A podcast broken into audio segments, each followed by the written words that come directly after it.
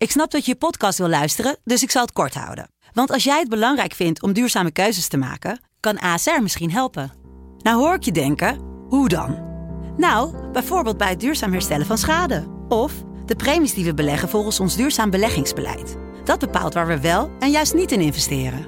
Wil je meer weten over welke duurzame keuzes ASR maakt? Ga dan naar asr.nl slash duurzame keuzes. ASR doet het. Zo, dan kan je nu lekker naar je podcast luisteren. Jerry! Jerry! Hey! Ik zie het ook echt als een, echt als een politieke aanslag op, op standpunten die wij naar voren brengen, die ik naar voren breng. De 15-jarige verdachte die vastzat omdat hij Thierry Baudet in een café in Groningen met een bierfles op zijn hoofd sloeg, is weer op vrije voeten. De jonge jongen heeft ruim twee weken vastgezeten. En dat is uitzonderlijk lang. En daar gaan we het over hebben met de advocaat van zijn tweelingbroer. Je luistert naar Radio Ramkraak, de wekelijkse misdaadpodcast van Dagblad van het Noorden en Leeuwarden Courant. Iedere week praten de misdaadverslaggevers van deze kranten hierbij over misdaad in Noord-Nederland. En deze week is dat Ina Rijtsema. Ja, Ina. We staan bij Café de Cabin, echt midden in het centrum van Groningen tegenover de bioscoop. Ja, En hier is het eh, gebeurd een paar weken geleden. ongewild wereldnieuws. Wereldnieuws. Ja, een aanslag op een. eh, Politicus, door een, politicus. door een jongen van 15. Hè? Ja, Baudet noemde het een aanslag. Hè? Maar daar hebben we het straks uitgebreid over eh, met de advocaat van zijn tweelingbroer. Zijn tweelingbroer werd, eh, die was erbij. Wordt ook gezien als verdachte, maar speelde verder geen rol bij de mishandeling. er zijn beelden van die bewuste avond. En laten we even naar het geluid luisteren wat er nou gebeurde. Jerry!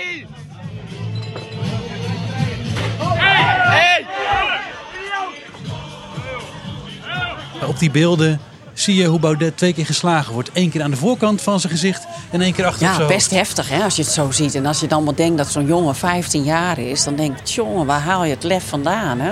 Hij wordt direct gepakt door beveiligers. Overgedragen aan de politie. Ja. Baudet die eh, moet naar het ziekenhuis. Ja, en dit is wat Thierry Baudet daar zelf over zei een, een dag later. Eigenlijk aan het eind van het event eh, ging ik nog even met wat mensen op selfie. En een van de mensen waar ik mee op selfie ging, die had een bierflesje in zijn hand en heeft mij daar twee keer mee geslagen. De eerste keer eh, net boven mijn oog eh, en de tweede keer achter op mijn hoofd. Eh, toen zijn we naar het ziekenhuis gegaan. Eh, daar kwamen we er gelukkig achter dat, dat, het, ja, dat ik heel veel geluk heb gehad. Dat het, dat het bierflesje mijn de meest kwetsbare delen heeft gemist. Dus als het een halve centimeter lager was geweest, dan was mijn ogen ernstig aan toe geweest. Iets meer richting mijn slaap. En het had ook veel ernstiger hersenletsel kunnen opleveren. Ja, Ina, hier in het centrum valt niet veel te halen. Hè? Want bij het café willen ze er volgens mij niks over zeggen. Nee, die eh, houden zich, ik kan het ook wel begrijpen, wijselijk stil. Maar we hebben iemand anders gevonden waarmee we een goed gesprek kunnen voeren. En dat is eh Siert Roosjen. Dat is de advocaat van de tweelingbroer van de jongen die met de bierfles sloeg. Ja, dan gaan we daarheen.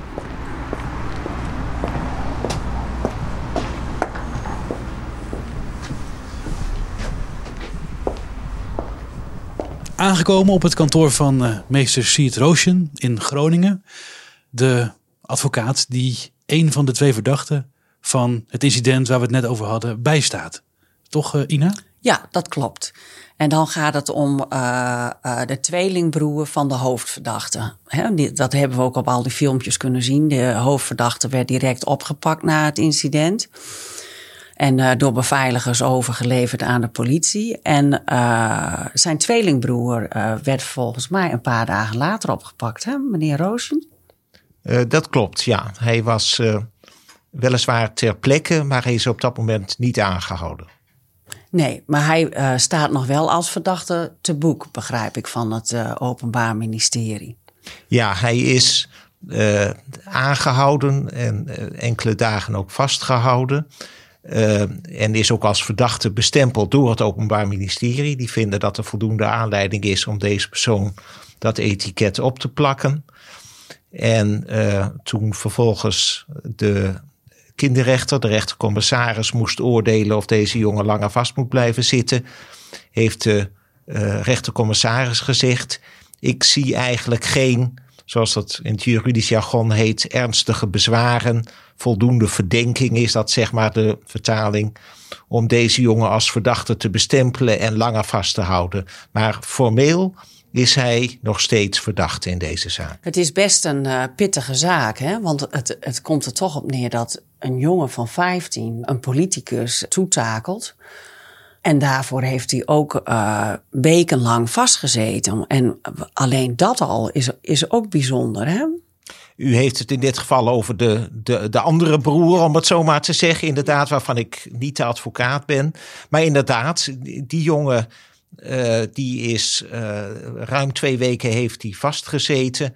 En toen de raadkamer van de rechtbank moest gaan kijken of dat nog weer langer moest duren, heeft de raadkamer gezegd. Uh, zo is het op zich genoeg en onder voorwaarden is die jongen toen op vrije voeten gekomen. Maar een periode van ruim twee weken vastzetten voor een jongen van zijn leeftijd, 15 jaar, dat is inderdaad vrij uitzonderlijk. Ja, want wat doet dat met een jongere? Want over het algemeen is het beleid toch: een jongen wordt verhoord, maar wordt niet vastgehouden, tenzij daar uh, speciale of bijzondere redenen voor zijn. Ja, misschien even een stap dan terug. Hè. Als iemand in voorlopige hechtenis gehouden wordt, dat betekent iemand wordt vastgehouden in afwachting van de strafzaak. Dus is in feite nog onschuldig, maar dan zijn er toch wettelijke redenen om iemand vast te houden. En die wettelijke redenen kunnen bijvoorbeeld zijn de ernst van het feit of het gevaar voor herhaling, recidieve gevaar met een duur woord. Uh, of het onderzoeksbelang, hè, dat men bang is dat als iemand vrijkomt, dat hij onmiddellijk het onderzoek in de war gaat sturen door bijvoorbeeld de buit van een bankoverval te begraven of wat dan ook. Er moeten dus gronden zijn en dan kan iemand vastgehouden worden en de rechter toetst regelmatig of daar nog steeds reden toe is. En uiteindelijk bij heel zware zaken kan iemand tot de strafzitting zelfs vast blijven zitten. Ja, in dit geval heeft het OM eh, aangegeven, terwijl er normaal eigenlijk uh, weinig informatie wordt gegeven, überhaupt over verdachten, maar zeker als ze zo jong zijn niet. Maar in dit geval heeft het OM duidelijk gemaakt dat ze zich zorgen maken over de persoonlijke omstandigheden van deze jongen. Nou ja, dat, dat is natuurlijk best wel een ding om van iemand te zeggen. En misschien is het ook even duidelijk om, om hier te zeggen: kijk, u kunt ook niks zeggen over uh, uw cliënt of over zijn broer. Want het gaat om jongeren, het gaat om verdachten. We moeten ook hun privacy beschermen. Dus we kunnen daar niet te veel op ingaan. Maar op het moment dat je zoiets uh, leest of hoort, dan denk je toch wel van wat is daar aan de hand? Ik, ik kan me voorstellen dat je als buitenstaander zo tegen zo'n zaak aankijkt. En een, een, politicus die aangevallen wordt, dat is ook niet niks. En ook in de uh, campagnetijd krijgt dat natuurlijk weer helemaal een extra lading. En misschien ook de persoon van de politicus zelf maakt het ook allemaal weer misschien weer wat ingewikkelder. Dus ik kan me heel goed voorstellen dat het voor veel reuring zorgt. En, en dat men ook bezorgd is. Hè. We hebben natuurlijk uh, al jarenlang Geert Wilders die beveiligd wordt. En uh, hoe ver moet dit gaan? En moet straks iedereen beveiligd worden? En nou, is het einde dan ook zoek? Dus ik kan me voorstellen dat de buitenwereld zich daar zorgen over maakt. Ja, en dan zeker als je ook nog bedenkt dat de jongens 15 jaar zijn. Hè? Hoe, hoe verzin je het om een politicus aan te vallen? Dat, dat is natuurlijk een beetje het idee wat, wat leeft in de maatschappij. Ja, ik kan over de motieven van eh, mijn cliënt natuurlijk in dit verband ook helemaal niks uh, uh, zeggen. Ik beperk me even tot wat er feitelijk bekend is, namelijk dat uh, Thierry Baudet klappen heeft gehad van de andere broer.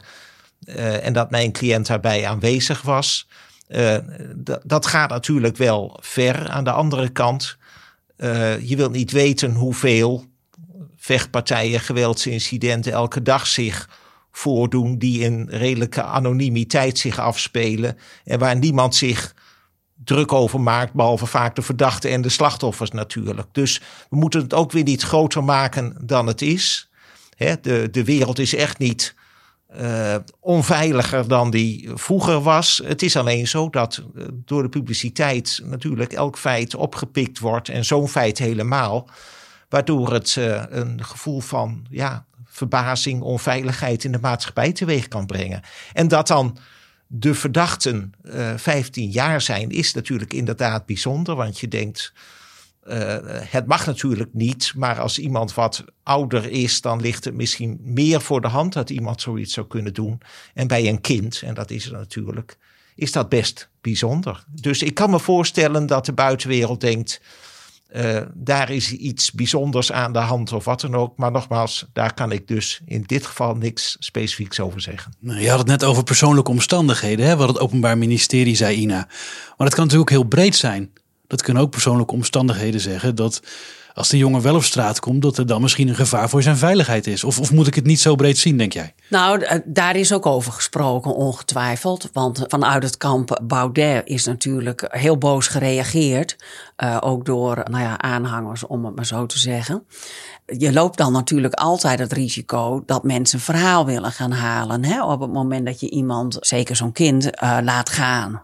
Dat, dat zal ongetwijfeld mee hebben gespeeld. Maar aan de andere kant is die nu na ruim twee weken wel uh, vrijgelaten. Het is ook maar de vraag of die thuis zit natuurlijk. Het is ook logisch dat het OM daar niks over wil zeggen. Maar hoe gaat het nou doorgaans verder met zo'n proces, uh, meneer Roosje? Want het jongerenstrafrecht is natuurlijk compleet anders ingericht dan dat voor ouderen.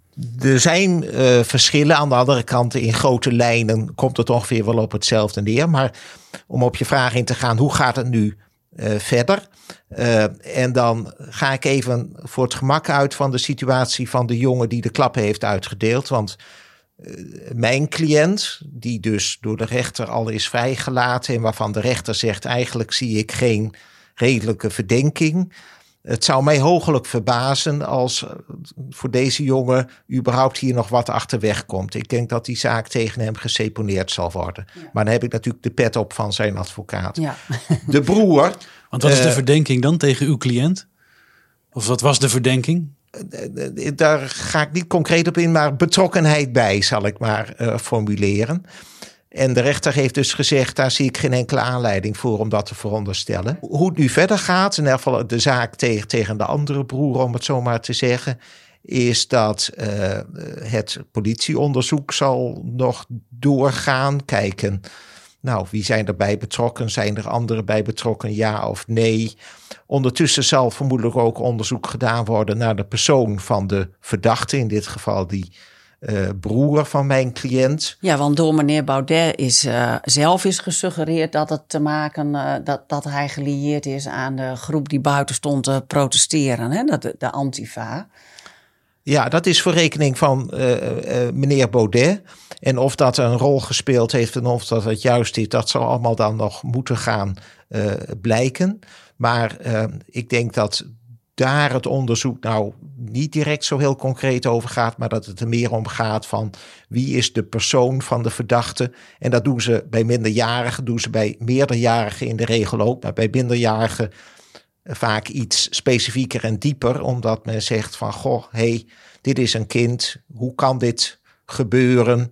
Wat is er nodig? Want dat is de bedoeling van het jeugdstrafrecht. Wat is er nodig om deze jongen bij te sturen, zodat hij in de toekomst niet weer iets dergelijks uh, zou doen?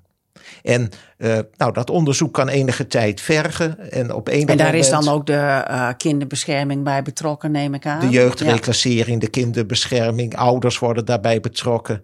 En op een gegeven moment zal er dan een zitting plaatsvinden voor de kinderrechter die dan moet gaan beoordelen van uh, heeft deze jongen gedaan waar het OM hem van beschuldigt. Nou, die klappen heeft hij gegeven. Dat hebben we allemaal ook op filmpjes kunnen zien. Het gaat er natuurlijk wel nog een beetje om van hoe omschrijft het OM dat? Hoe zwaar zetten ze het aan? Nou, daar is discussie over mogelijk. En, en dan speelt ook mee of het met voorbedachte raden is, hè, of het gepland was of niet, neem ik aan. Uh.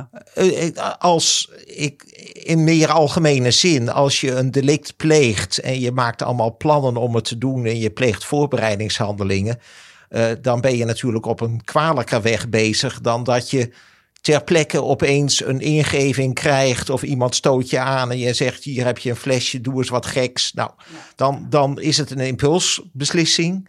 En het andere is, nou met voorbedachte raden, wij spreken het verschil tussen moord en doodslag. Als je iemand vermoordt en je hebt in hinderlaag gelegen om hem dood te schieten, is het wat anders dan dat je elkaar op straat tegenkomt, ruzie ontstaan, er wordt een pistool getrokken en er wordt geschoten. Dan is het een impuls, dan is het doodslag. Maar heb je het gepland, nou, dan wordt het ernstiger. Ja, en in dit geval krijg je dan toch een beetje de sfeer van een aanslag op een politicus. Of is het inderdaad uh, op dat moment in zijn hoofd ontstaan en heeft hij uitgehaald met een flesje bier?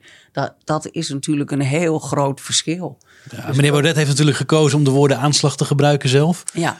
Waardoor je die, nou ja, uh, die insinuatie krijgt. Ja, maar dat is natuurlijk ook wel door het uh, OM gezegd. Omdat het uh, om een politicus gaat, is de maatschappelijke impact ook groot. En dat weegt dan ook weer mee in de beslissing of iemand vastblijft of niet vastblijft. Ja, dat, dat, daar heb je inderdaad wel een punt. Want men kan dus vast blijven zitten. Dat zei ik net in het begin al vanwege het onderzoek. Of een van de gronden is ook de ernst van het feit. En de ernst van het feit wordt bepaald door enerzijds de uh, maximale gevangenisstraf die ergens op kan staan. En anderzijds op de uh, daarvoor benodigde geschokte rechtsorde. Dat betekent dus dat een, een strafbaar feit dat het reuring veroorzaakt. En dat als iemand die daarvan verdacht wordt uh, weer op vrije voeten komt, dat de maatschappij daar verbaasd, verbijsterd over is van hoe kan nou iemand die dat gedaan heeft nu alweer op straat lopen. Dat is een beetje de geschokte rechtsorde. En naarmate natuurlijk het slachtoffer een prominenter persoon is, is die rechtsorde mogelijk eerder geschokt dan was het een anoniem persoon geweest. Dan heb ik nog wel een vraag eigenlijk. Want een verdachte die wordt normaal gesproken opgepakt, komt eerst in de politiecel terecht en daarna naar een huis van bewaring. Gaat dat bij een minderjarige nou anders? Voor minderjarigen gelden in dat opzicht wat andere regels. Uh, en uh, dat werd net ook al wat aangehaald. Uh, bij een minderjarige is het uitgangspunt als je iemand vast zou willen houden. Dus zelfs al zouden die redenen er zijn die ik net aanhaalde dat je moet zeggen van ja, maar de impact voor een minderjarige is heel erg groot natuurlijk. Die is weg bij zijn ouders, weg uit zijn ouderlijk huis, weg uit zijn vertrouwde leefomgeving. Dus het moet wel heel ernstig zijn om iemand langer dan vast te willen houden. Uh, en diezelfde regels brengen ook met zich mee dat een minderjarige in beginsel maximaal drie dagen op een politiebureau mag worden vastgehouden. En dat is geen lolletje, want die cellen zijn echt uh, niet, niet bijster uh, vriendelijk. Nee, heel sober. Hè? Totaal ja. niet denken dat mensen wel eens roepen: je zit in een hotelkamer. Absoluut niet. Nee, daar er wordt wel... niks te doen of te zien. Of, nou, uh... soms heeft men een, een, een tv-scherm waar uh, een beperkt aantal zenders uh, bekeken kunnen worden, maar niet actualiteitsrubrieken, geen mooie films of iets ergs. Maar dat is nou National Geographic of, of, of, of allemaal dieren in Afrika die rondlopen, zoiets. Puur om de tijd door te komen. Want je kan eigenlijk helemaal niks doen, behalve misschien wat lezen. Ja, en dat is voor een jongere natuurlijk een is, enorme straf. Is, is redelijk rampzalig. En als je kijkt naar de jeugd van tegenwoordig, met de korte spanningsbogen die ze hebben, dan is, is urenlang in een kamer zitten en ook niet Zonder weten. telefoon. En ook niet weten. Uh, wanneer er wat gaat gebeuren. Ik heb natuurlijk in de loop van de jaren vele mensen gesproken die vastzitten in cellen, ook bij de politie. En die zeggen vaak het vreselijke is, je, je zit daar, je hoort geluiden op de gang, er gaat een deur open, er gaat een deur dicht. Je weet niet of ze voor jou komen, je weet, je weet helemaal niet. Je bent van de buitenwereld afgesloten. En dan gaat de tijd heel erg langzaam en dan is elke afleiding wat dat betreft meegenomen. Nou, Plus dat je ook niet weet wat je boven het hoofd hangt. Hè? En dan zal dat bij zo'n 15-jarige helemaal uh, meetellen. Die heeft waarschijnlijk nooit de gevolgen kunnen overzien van uh, deze actie. Nee, ik denk dat dat hoort ook bij jeugd. Uh, er is ook allemaal wetenschappelijk wel vastgesteld. Bij jongens helemaal nog meer dan bij meisjes dat ze in die leeftijd nog volop is het brein in ontwikkeling en, en nadenken over de gevolgen van wat je doet. Nou, dat, dat komt pas helemaal achteraf. En, en dat je zegt van, joh, ten eerste tot tien voordat. Nou, dat is nou juist het probleem. En bij jeugdigen wordt zelfs gezegd, bij jongens van ongeveer tot de 23ste is dat brein en die functie nog in ontwikkeling. Dus tot die tijd wil men wel eens eerst doen en dan achteraf bedenken, oei, oei, oei, wat stom. Nou, zo'n jongen zit daar, die weet niet wat hem overkomt. Uh, uh, en is in dat opzicht ook buitengewoon kwetsbaar. En daarom moet die hechtenis ook absoluut niet langer duren dan strikt genomen noodzakelijk is. Je vroeg net, gaat hij ook naar een jeugd, eh, gaat hij ook naar een huis van bewaring? Dat doen ze niet. Uh, er zijn uh, aparte jeugdgevangenissen, uh, waardoor de, waar de omstandigheden wat anders zijn, waar meer toezicht en begeleiding is en ook wat meer vrijheden zijn. En je hebt ook nog kleinschalige voorzieningen, zoals dat heet. Dat zijn dan nog weer, zeg maar, jeugdgevangenen voor jeugdgevangenissen voor wat uh, de, de, de, bijzondere gevallen of voor de extra jeugdigen, zodat die nog weer iets meer opgevangen kunnen worden. Allemaal met als doel de schade van het vastzitten zo beperkt mogelijk te houden. En ook uh, de persoon zelf uh, zoveel mogelijk bij te schaven, neem ik aan. Of proberen te begeleiden. Nou, of dat in de hoop dat, dat herhaling, uh, dat dit niet weer gebeurt. Kijk, als je hoort dat, dat er al zorgen zijn om persoonlijke omstandigheden. Ja, dan zal er toch iets moeten gebeuren. Ja, of dat in dit stadium al gebeurt, dat is natuurlijk wel heel moeizaam. Want je moet wel eerst goed in kaart brengen van wat speelt er bij iemand? Wat is er bij iemand aan de hand? Dan moet bovendien ook iemand openstaan om daarvoor geholpen, begeleid te worden.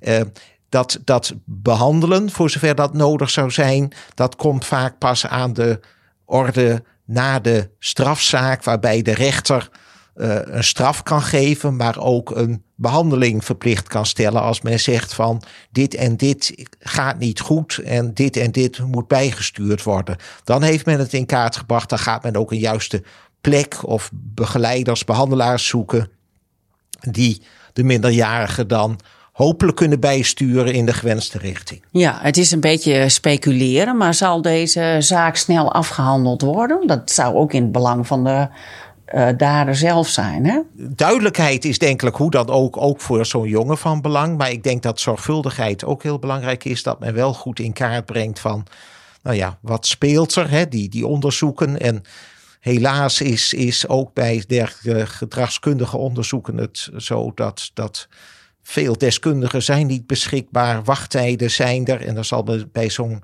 minderjarige missie wat sneller en wat harder lopen dan, dan voor de gemiddelde gedetineerde. Maar dat is best een, een ingewikkeld en langdurig proces. En dat zal best de nodige uh, tijd kosten. En men moet ook, nou ja, bijvoorbeeld ook met, met, met de school waar zo'n jongen op zit. Van kan die weer terug naar school? Hoe moet dat begeleid worden? Onder welke omstandigheden? Uh, nou, bij spreken, dat geldt niet voor deze jongens. Zit je in je eindexamenjaar, worden alle proefwerkweken verstoord? Nou, dat zijn allemaal omstandigheden die meegewogen moeten worden om te kijken van hoe gaan we hiermee om? Wanneer moet de zaak behandeld worden? Maar dat voor jeugdigen over het algemeen geldt. Uh, snel handelen, en als je ook wil, wil straffen of bijsturen, dan moet je het snel doen. En niet, zoals helaas in meerderjarige zaken, soms twee jaar duurt voordat een zaak bij de rechter komt. Dat lijkt me een uh, waarheid als een koe. Ja, en wat betekent dit nu uh, voor de toekomst van zo'n jongen? Want uh, hij is 15 jaar, dus dan word je niet veroordeeld hè, volgens het recht zoals dat voor volwassenen geldt. Een strafblad geldt geloof ik ook niet hè, voor zulke jonge jongens. Maar, maar wat betekent dit voor zijn verklaring omtrent gedrag bijvoorbeeld in de, in de toekomst? Daar is een ingewikkelde regeling voor. En je hebt gelijk in die zin dat uh, een, een grens ergens daar is aangebracht in uh, tussen de feiten die je als minderjarige begaat en als meerderjarige.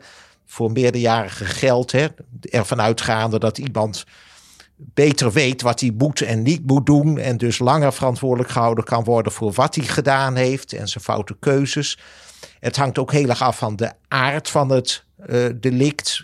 Je kan je voorstellen bij bepaalde zedendelicten dat men zegt van ja, dat jij drie jaar lang je netjes gedragen hebt. Nou, dat is niet helemaal een garantie om te vertrouwen dat dat tot in lengte van jaren ook zo zal blijven zijn. Uh, maar dit heeft natuurlijk consequenties. Als deze jongen veroordeeld wordt, dan heeft hij uh, een strafblad. Dan kan dat betekenen dat als hij een VOG wil hebben, dat hij die niet of moeilijker krijgt of onder voorwaarden krijgt. Maar dat hangt, hè, vooral bij een VOG, ook heel erg af van waar heb je het voor nodig. Dat deze jongen nu verdachte is en nou, naar alle waarschijnlijkheid veroordeeld zal worden voor het uitdelen van die klappen, hoeft nog niet te betekenen dat, dat als hij als vakkenvuller bij een supermarkt aan het werk wil, dat hij daarvoor ongeschikt is. Het, het kleeft natuurlijk wel uh, aan hem. We hebben hem allemaal kunnen zien op die, op die filmpjes. Er is natuurlijk ook in kringen bekend wie het is. Het is niet handig voor zijn toekomst. Nee, nee, ik denk dat dit ontiegelijk ontwrichtend is. En, en dat uh, deze jongen dit nog jaren met zich mee zal dragen. En als hij het min of meer ergens een plekje gegeven zou hebben, dan heb je kans dat mensen in zijn omgeving er nog lang niet mee klaar zijn. En inderdaad, dat is de, de vloek natuurlijk van de huidige tijd met de sociale media en zo'n filmpje. Eh, je privacy ligt op straat. En deze jongen komt ook op een school. En, en op zo'n school eh, zoomt dit ook rond. En weet men binnen de kortste keren van uh, is hij, is hij, is hij. Roddelen, dat is zeer populair zoals we allemaal weten. Uh, dus dit zal die jongen nog heel erg lang, vrees ik, blijven achtervolgen. Ja, dat is dan uh, ook weer niet bevorderlijk voor zijn ontwikkeling. Waar dus Totaal blijkbaar niet. toch al het nodige aan de hand is. Uh, ja. Nou ja, dat, dat laatste, daar ga ik niet op in. Maar inderdaad, dat, dat zoiets niet goed is voor een, een jeugdige en zijn ontwikkeling en zijn opvoeding. Dat, dat is een waarheid als een koe. En, en ik denk dat dat inderdaad uh, grote zorgen uh, met zich meebrengt voor zijn ouders, maar ook voor de omgeving en mogelijke behandelaars. Om te zorgen van hoe kunnen we voorkomen dat dit feit niet helemaal blijvend het leven van zo'n jongere verstoort.